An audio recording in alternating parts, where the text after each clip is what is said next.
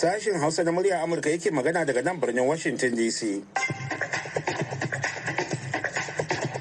Masu sauraro Assalamu alaikum da fata an tashi lafiya. Baba ya ku makeri ne tare da Muhammad Hafiz Baballe da sauran abokan aiki. Muke farin cikin sake kasancewa da ku a wannan shiri na hantsi na yau litinin 13 ga watan Fabrairu shekarar 2023. A cikin shirin za ku ji cewa wasu 'yan bindiga sun kashe jama'an 'yan sanda guda biyar har da dpo a cikinsu a jihar neja. Muna kuma ɗauke da shirin zauren matasa da nasira da mai kayan zai gabatar. Akwai kuma sharhin jaridun najeriya da baban gidan jibrin zai kawo muku.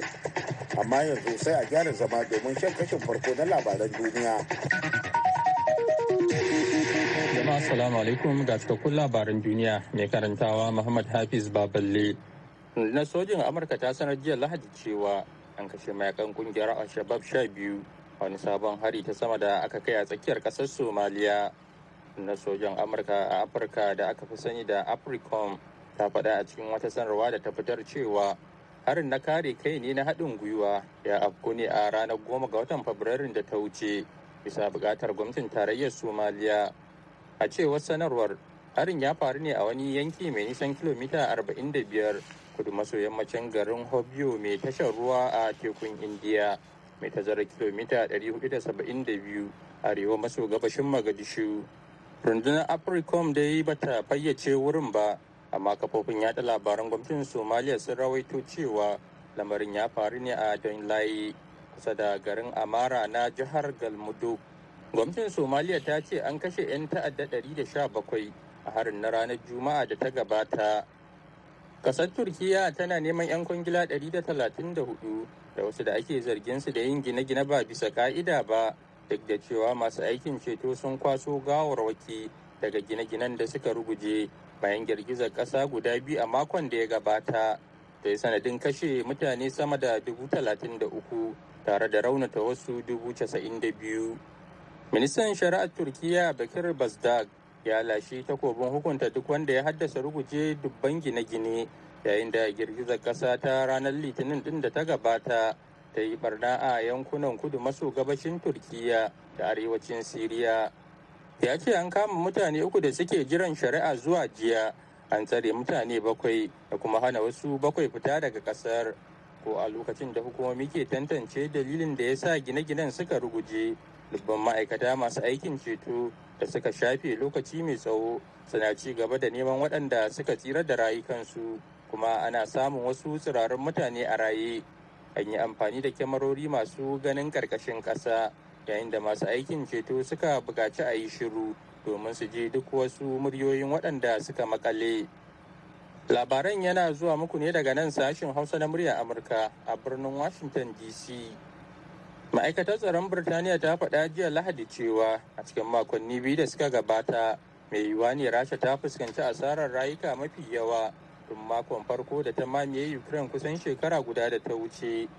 Bayanan ma'aikatar ya dogara ne bisa bayanan ukraine cewa rasha ta yi asarar rayuka 824 a rana a cikin makon da ya gabata fiye da sau huɗu a matsakaicin rahoton da aka bayar a watan yuni zuwa yuli. Ma'aikatar ta ce kididdigar da ta dogara ne a kai mai yiwuwa adadin daidai ne bayanan ukraine. Ma'aikatar ta ce karuwar waɗanda suka mutu a rasha wataƙila saboda wasu dalilai da yawa da suka hada da rashin sojoji da aka horar shiryawa da kayayyaki a fagen daga. Sabbin bayanan leƙen asiri na birtaniya wanda aka wallafa a shafin twitter ya kuma ce ukraine na ci gaba da fuskantar matsin lamba. Yayin jawabinsa na bidiyo na dare jiya lahadi shugaban ukraine vladimir zelensky ya yaba da ƙoƙarin da ma'aikata ke yi na maido da na'urorin samar da wutar lantarki da jiragen yaƙi marasa matuka da makamai masu linzami na rasha suka kai wa hare-hare a ranar juma'a. An jima kaɗan baballe zai sake shigowa da ci gaban labaran duniya. Amma kafin nan rahotanni daga jihar Nejan Najeriya na cewa wasu 'yan bandiga sun kashe jami'an 'yan sanda su biyar ciki har da mai mukamin DPO.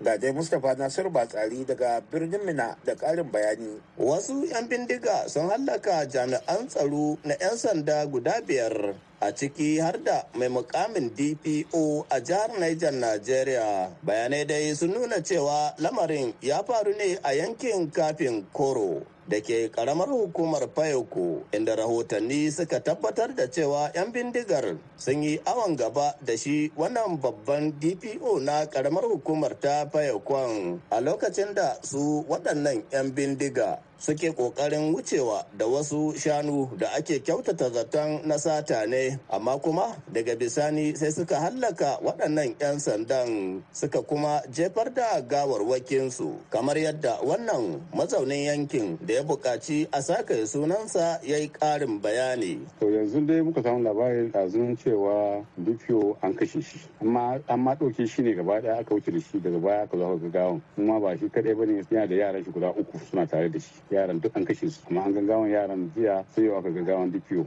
An duk sassare shi an kwakwale idanun da wasu abubuwa dai. Amma yanzu dai ga dai an sa dai daga can ma an ɗauko gawan an kawo nan kai ku. Za a jana'iza abin bakin ciki ma inda ka san an ɗauko gawan wani barawo haka ka ɗauko shi a cika a korukura a kwala a korukura ma da ganye aka zuwa baya. so waye suka kashe shi to. su yan bandits sun zo ne da shanaye da yawa na mutane da suka sace. So hanyar suna da labi ne wuraren can kwakuti za su wuce ta kafi shi su shiga ta Kaduna. To a wani bayani da rundunar 'yan sanda ta jihar Niger ta aika wa manema labarai mai ɗauke da sanya hannun kakakin 'yan sandan DSP Wasiu Abiodun ta tabbatar da aukuwar lamarin sanarwar ta kara da cewa kwamishinan 'yan sanda na jihar Niger CP Ogundele Ayodeji ya jagoranci wata tawaga ta jami'an tsaro na musamman zuwa wannan yanki. Gwamnatin jihar Niger dai ta ce bata gama samun cikakken bayani ba a kan lamarin in ji sakataren gwamnatin jihar Niger Alhaji Ahmad Ibrahim Matane. Abin da ke za mu ku samu bayani. Amma dai kawo yanzu ba ku da wani bayani kenan. Eh ba wani cikakken bayani ka san ba za ba da bayanin rabi da rabi ba. Amma gaba ɗaya yanzu menene za ku ce ma jama'a game da sha'anin tsaron nan ganin da abubuwa dai sai ƙara tabarbarewa. A bai ƙara tabarbarewa ba abin da ka gani ya faru a cikin abubuwa da yawa ne da jama'a su ke karewa in ba don haka ba ma kila da abin ya wuce haka wayannan sun biyo shanu ne kuma ana nana biye da su eh to amma ka san ko yan makonni biyu da suka wuce yankin nan na kafin koro an kashe wani babban bishop ko yanzu me kuke yi akan wannan yanki? Eh kamar da muka bari gwamnati ta tabbatar cewa zaɓe za a yi shi lafiya ba tare da wani abin da kuma duk matakan da ya kamata za a ɗauka da girma gona ya ba da wayannan directive. Wannan hari ga jami'an yan sandan da na ƙara jefa jama'a cikin zama irin na zulumi a daidai wannan lokaci da ake dab da gudanar da babban zaɓe a Najeriya. Mustapha Nasiru Batsari, murya Amurka daga Mina a Najeriya. A gaida Mustapha Nasiru Batsari. Ana tare ne da sashen Hausa na murya Amurka a birnin Washington DC kai tsaye. Yanzu ko ga baban da ci gaban labaran duniya. Ma'aikatar tsaron Amurka ta Pentagon ta ce shugaba Joe Biden ya ba da umarnin jiragen yaƙin Amurka su harbo wani abu da ba a tantance ba akan tafkin Huron jiya Lahadi.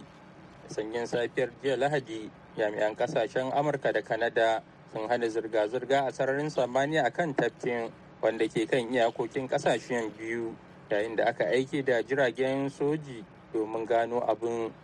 Ma'aikatar Pentagon ta ce an yi imanin cewa abu ɗaya ne da aka gano a montana a ranar asabar.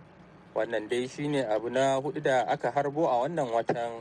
Dan majalisar wakilan amurka elisa slotkin wacce ke wakiltar gunduma a jihar michigan da ke kusa da inda lamarin ya faru ta wallafa a shafinta na twitter cewa matukan jirgin saman amurka da masu tsaron gaba sun harbo abin slotkin ta wallafa a shafinta na twitter cewa ma'aikatar tsaro ta tuntuɓe ta game da ci gaban.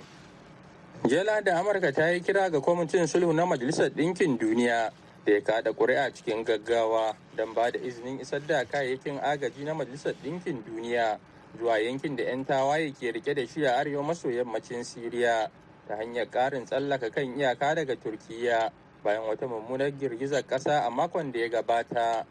Tun a shekarar 2014 majalisar ɗinkin duniya ta iya kai kayan agaji ga miliyoyin mutane da suke cikin buƙata a yankin arewa maso yammacin ƙasar siriya. Da yaƙi ya ɗaiɗaita ta hanyar turkiya a ƙarƙashin amincewar kwamitin sulhu.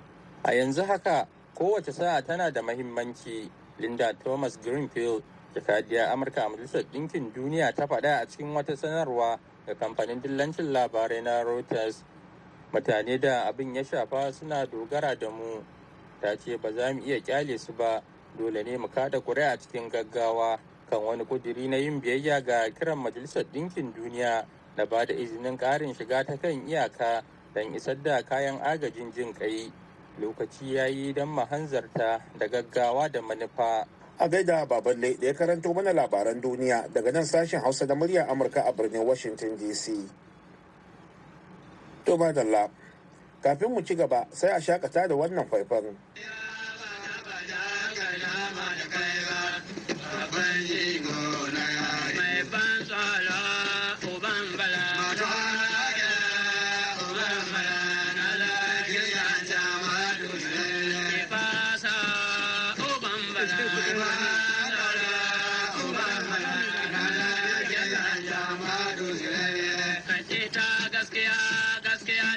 ɗara majahilci alfiyari ya ɗara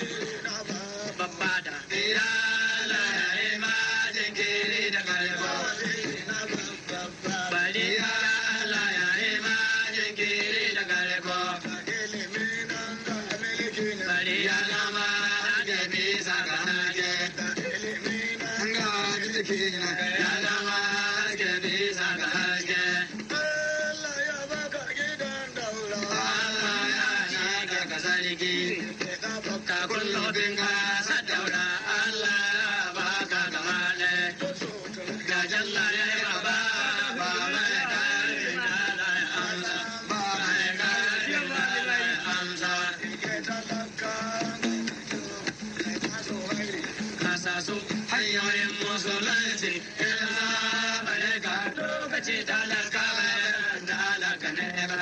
Baban jigo na yaro bayan turaji na samu bakan dama cikin mai waƙoƙi.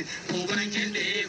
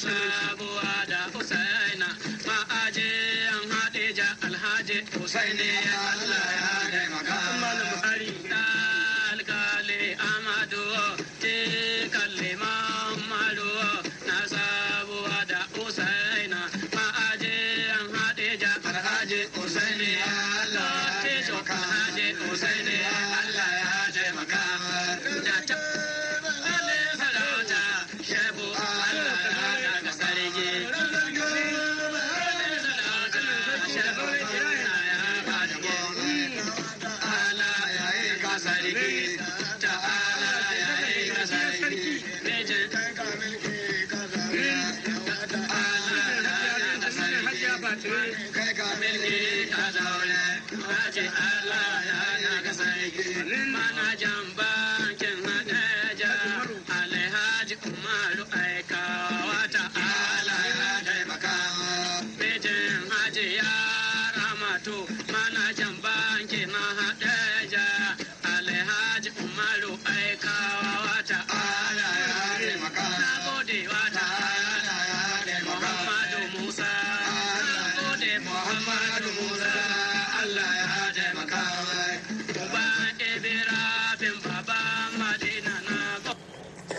Madalla yanzu kuma ga nasara da ma'il hikaya da shirinmu na gaba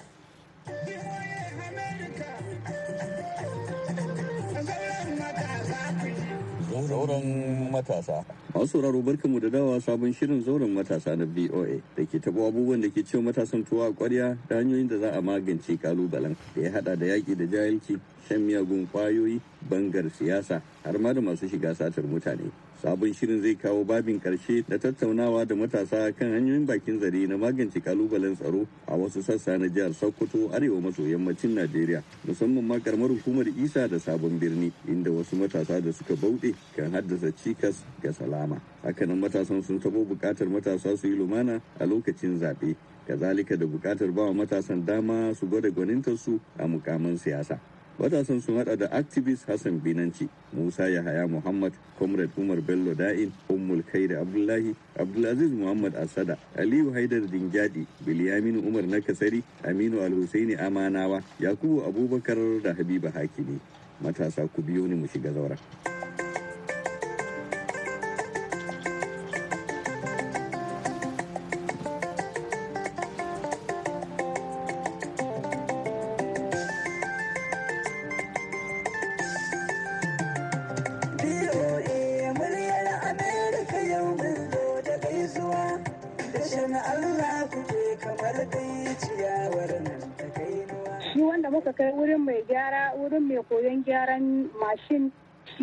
shi dai ya ce can yana zuwa can ba daɗewa ba yakan yana zuwa yana iya sati biyu bai zo ba. To ƙara ma ɗaya da muka kai shi wurin gyaran manyan motoci shi ya dage saboda kullum baban shi ke ɗauka shi da mashin ya kai shi. In marece ya yi baban shi in ya dawo kasuwa ya biyo ya ɗauko shi su yi gida. Amma su wa'yanga saura sun koma cikin bangar siyasa kuma cikin muka ɗauko su muka taimaka musu saboda mu jayar da suwa su dogara da kansu saboda idan suna dogara da kansu ta'addanci zai zai kauce daga idanunsu. haka ne. Comrade umar bello da in. Assalamu alaikum ato a gaskiya ni akwai abubuwa guda biyu da na ganin su an mahita wanda kuma tun asalin farko ya kamata a ce an kula su. Ban mancewa tun lokacin da ina ƙarami ƙwarai ko firamare ban gama ba. Hulla wa ga ina dogon hulla abokina in baba na gani da sai ya ce ina ka zo da hullar ga? Ya ce min sai ya bincika. sai ya bincika ya ce ka in koma ganin ka in dai ba ni na so ma abu ba to ka in sahi ganin karshiya. Ya ce ta kai har bayan an haka wani lokaci yana kullum abin da zai ce min wane radda nake ban taɓa jawo rigima an ka ce ma babana ba ubana nissa wane ya abu kaza. Kawa Allah ka kai min haka nan. Ni ko wannan abin ya yi tasiri gare ni. Kullum ina ƙoƙarin riƙe wannan. Yace kai har yanzu bayan da ni dan kai ni dan girma haka yau ni sallan mangare ba ba gida ba sai ya kira na ya ce kana ina? In ce ina wuri kaza. Ba yadda za a yi. To akwai wannan kulawa da iyaye ya kamata a ce sun sun ga bayan tun karin farko da bawa uban ɗiyan muhimmanci nuna muhimmancin su da da ba su kulawa da ya kamata. Sannan kuma akwai wani abin da aka cewa an ba jaki ana bugun teki. Akwai matsalar yau in ka ji an tashi ana kuruwa ilimi ilimi rashin ilimi ka kawo abu kaza ko jawo kaza rashin ilimi. Wato babban matsalar da muka samu mun baro a asalin ilimin namu wanda muke da shi. In musulmi haki in kiristan haki mun saki karantarwa ta addinin mu gabaki ɗaya mu. Wanda alhamdulillah mutuwar kana amfani da wannan karantarwa ta addini to insha Allahu wannan abin zai taimaka ƙwarai wurin ganin cewa an samu saukin al'amarin da ake ciki. Domin babu addinin da ya yarda a da jinin kowa. In musulmi haki in kirista haki kowane iri haki addinin kawai baka dama ka zo da jinin kowa ba. To wannan ya maka riko da shi. To babban matsalar da aka samu ba wai ina cewa wannan ilimi da muke ciki na zamani yana da abin amma dai wancan a haɗa su su biyu a ba wancan muhimmanci fiye da wanda aka ba wanga muhimmanci. To wannan abin zai kawo matsala. Domin mafi yawan wayanda suke ɗaure ma wannan ta'addancin gindi sun mance da iliminsu sun mance da gobensu duka duniya ta suna kallo. Ya za su yi su ji daɗi nan duniya da sauransu? To inda kana tunawa da gobenka kai ka san ba ka ɗaure ma a wani gindi ya tafi ya kashe wani. Don ka san cewa gobe in ka zo za ka samu sakamako wurin Allah.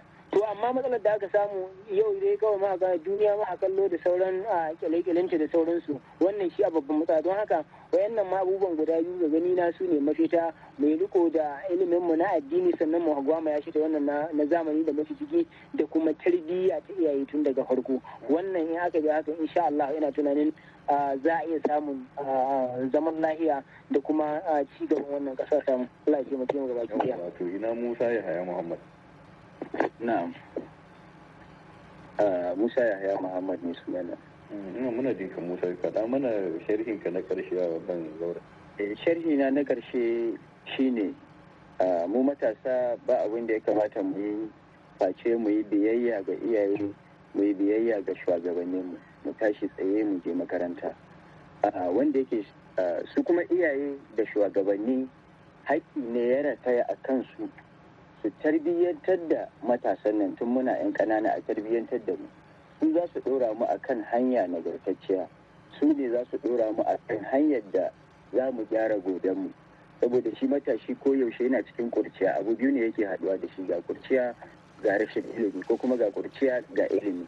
To idan aka samu ilimi ya yawaita da tarbiyya a ciki to sai matashi ya zama productive. Ma'ana sai ya kasance mai amfani wa kanshi da kuma al'umma da ma ƙasa baki ɗaya. To saboda haka ni a wannan ɓangaren nake kira ga gwamnati da iyaye. Aikin su ne wajibi ne gare su su tarbiyyantar da matasa domin su zama nagari. Assalamu alaikum. Alaikum assalam. Muna jin activist Hassan Binanci ne dama shi buɗe mana to zai rufe mana da bayanai. A kan hanyar rage kan hanyar rage yana da sako. To to wannan sai muna ji. A sunana Habiba Hakimi. Ah Habiba kin dawo. Ai ba ne su da jira ma ina kusa. Yawa biyu muna ji. Um, na ɗaya ne ga matasa. Shi ne a kowane lokaci a duk inda suka cinci kansu su daina nuna wariya musamman kuma su ɓangaren su manya haka shugabannin su daina nuna cewa sai 'ya'yansu ko 'yan uwansu a kowa nasu ne. Shi ne kawai kirana ga al'umma musamman ga matasa haka kuma ga shugabanni. Sannan kuma su cire yin almundahana a ba da kwangilayen ayyuka ko kuma gehen tsaro a sa son kai da fifiko da faɗin rayuwa. Na Activist. To, masha Allah. abubuwa guda uku suna da ke neman yaudai da su akan 'yan uwana matasa. Na farko shine mu kalli yadda hayakin siyasa ke kadawa a yankunan mu da ma Najeriya baki ɗaya. Duba da zangon zaɓe yana gab da shigowa. A na farko shi ne matashi ya kula da wani abu guda. Duk ɗan siyasar da ya gigita ya bashi a shana domin ya ƙone kansa da iyalansa da yankinsa. To gane cewa ba su ne ya kai ba kuma ba al'umma ta yake su ba. Kuma duk ɗan siyasar da aka kama da irin wannan aƙida to akwai buƙatar cewa a yi dokoki masu tsaurin gaske. Doka ita ce shekaru arba'in na tura shi ritayar dole wanda zai kawo zai iya sa sauran 'yan siyasa su ɗauki darasi wajen kauce ma tura 'ya'yan mutane wajen bangar siyasa tare da matasanmu kuma su kauce ma tallar hotunan 'yan siyasa wanda yanzu haka wasu sun ba sa da sana'a yi amma an ba su hotunan 'yan siyasa suna tallar wurare-wurare abu na ƙarshe shine iyaye su kula da 'ya'yansu hayakin siyasa ya wara kaɗawa. Wanda babban haƙƙin suna wanda ubangiji zai tambaye su gobe kiyama su kula da wannan. Shugabanninmu na siyasa kuma da na kowane ɓangare su kauce ma saka siyasa a cikin sha'ani na tsaro ko ilimi ko makamantan haka. Da fata Allah ta'ala ka ba mu lafiya da zaman lafiya da gama lafiya. Amin summa amin. Mun gode ƙwarai. Mu zama lafiya sai wani lokaci mun sake samun dama. To mun gode muna godiya. Muna godiya matuƙa ƙwarai da gaske. a nan muka kawo ƙarshen wannan zantawa da matasa na sokoto birnin shehu. Sai wani lokaci mun samu dama za mu sake shiga sokoto da wata zantawa. Godiya ga matasan na sokoto da ƙungiyar ma'abota kafafen labaru ta najeriya da ta taimaka wajen hada shirin. A madadin muryar amurka ni nasiru adamu elhika da ni shirya kuma na gabatar da shirin ke cewa sai wani mako. Assalamu alaikum.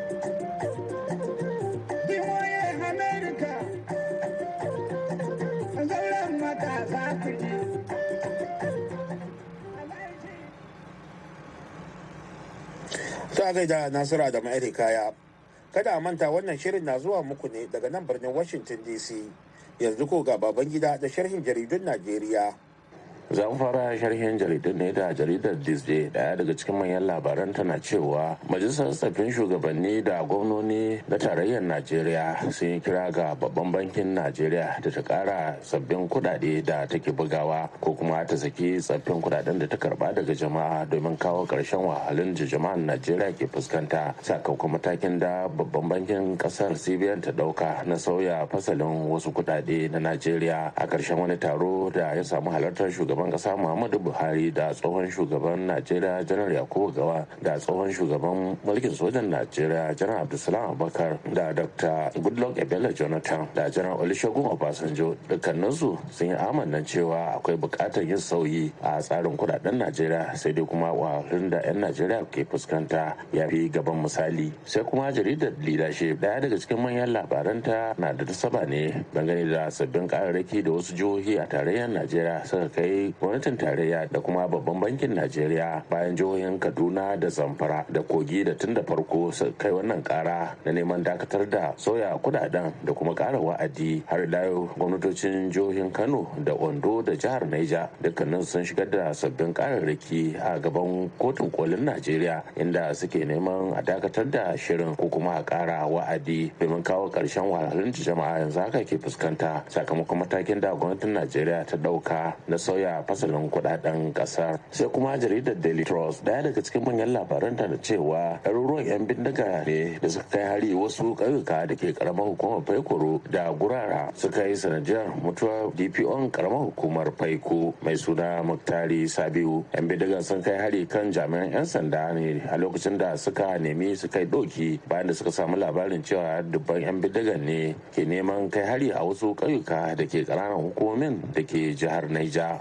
lokacin ɗauki badadin ne da 'yan bindigan suka kashe wannan baturen dan sanda tare kuma da wasu 'yan sandan akalla guda uku matafiya dai da dama da ke kan hanyar su ta mina zuwa abuja ko abuja zuwa mina sun dakatar da tafiye-tafiyen nasu sakamakon labarin da suka samu cewa 'yan bindiga sun mame wannan hanya inda suke kai hari a wasu ƙauyuka da ke ƙananan hukumomin na gurara da kuma faikoro a jihar Niger. sai kuma jaridar tribune ɗaya daga cikin manyan labaran tana na cewa shugaban hukumar zaɓen najeriya inec profesa mahmud yakubu ya sha alwashin cewa hukumar za ta yi aiki da malaman jami'o'i domin samun nasara a zaɓen da za a gudanar mai zuwa. Sai dai kuma shugaban hukumar zaɓen ya bayyana cewa hukumar ba za ta yi amfani da malaman da ke marawa ɗaya daga cikin jam'iyyun siyasun najeriya baya ba. Karshen sharhin jaridun kenan. A huta lafiya. Da wannan ne kuma muka zo ga shirinmu na ƙarshe wato labarai amma a taƙaice. Na sojin amurka ta sanar jiya lahadi cewa an kashe mayaƙan ƙungiyar al-shabab sha biyu wani sabon hari ta sama da aka kai a tsakiyar ƙasar somaliya. Na sojan amurka a afirka da aka fi sani da africom ta faɗa a cikin wata sanarwa da ta fitar cewa harin na kare kai ne na haɗin gwiwa ya afku ne a ranar goma ga watan fabrairun da ta wuce bisa buƙatar gwamnatin tarayyar somaliya. A cewar sanarwar harin ya faru ne a wani yanki mai nisan kilomita 45 kudu maso yammacin garin hobyo mai tashar ruwa a tekun indiya. To masu sauraro da haka ne muka kawo ƙarshen shirin namu na wannan hantsin. Idan allah ya kai mu a shirinmu na la'asariya za a ji wasu abokan aikin mu ɗauke da wani sabon shiri. Yanzu a madadin muhammad hafiz baballe da ya taya ni gabatar da shirin da kuma solomon abu da ya shirya ya ba da umarni da ban injiniyanmu na wannan hantsin. Baba ya ko makeri ne daga nan birnin washington dc nake muku fatan alkhairi. Wassalam.